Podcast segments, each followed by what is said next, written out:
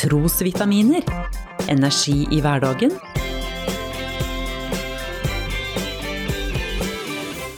Ved Norea-pastor Svein Anton Hansen. Det hadde vært en ekstra lang og snørik vinter. Sjøl langt ut i april lå snøen fortsatt metertykk i innlandet. Det går nok fortsatt noen uker før bøndene får gjødsla markene her, tenkte jeg mens jeg betrakta det hvite landskapet gjennom togvinduet på vei sørover. Et litt morsomt bilde viser seg flere ganger langs det snødekte skogsområdet. Små bjørketrær hadde fått så mye snø over seg i løpet av vinteren at toppen av treet sto bøyd ned i snøen.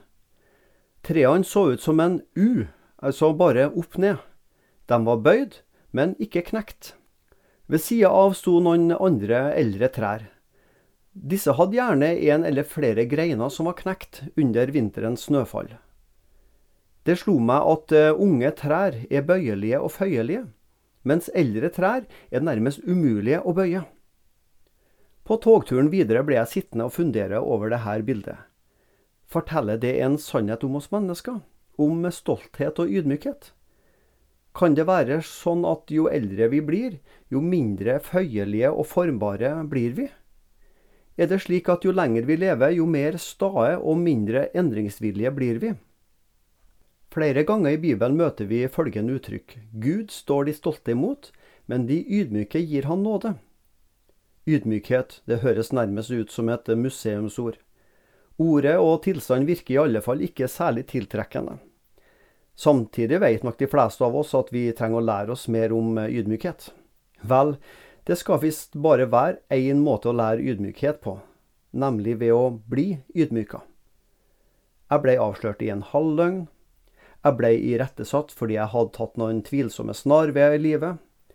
Noen gjennomskua meg at det ikke helt var samsvar mellom det jeg sa og de gjerningene jeg gjorde. Ja, jeg kom visst bokstavelig talt til å gå med bøyd nakke noen timer eller dager.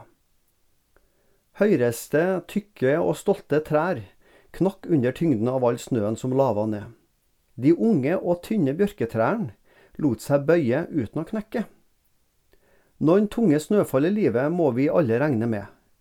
Jeg håper at jeg med år og alder fortsatt kan være formbar og ha evnen til å bøye meg når det er nødvendig.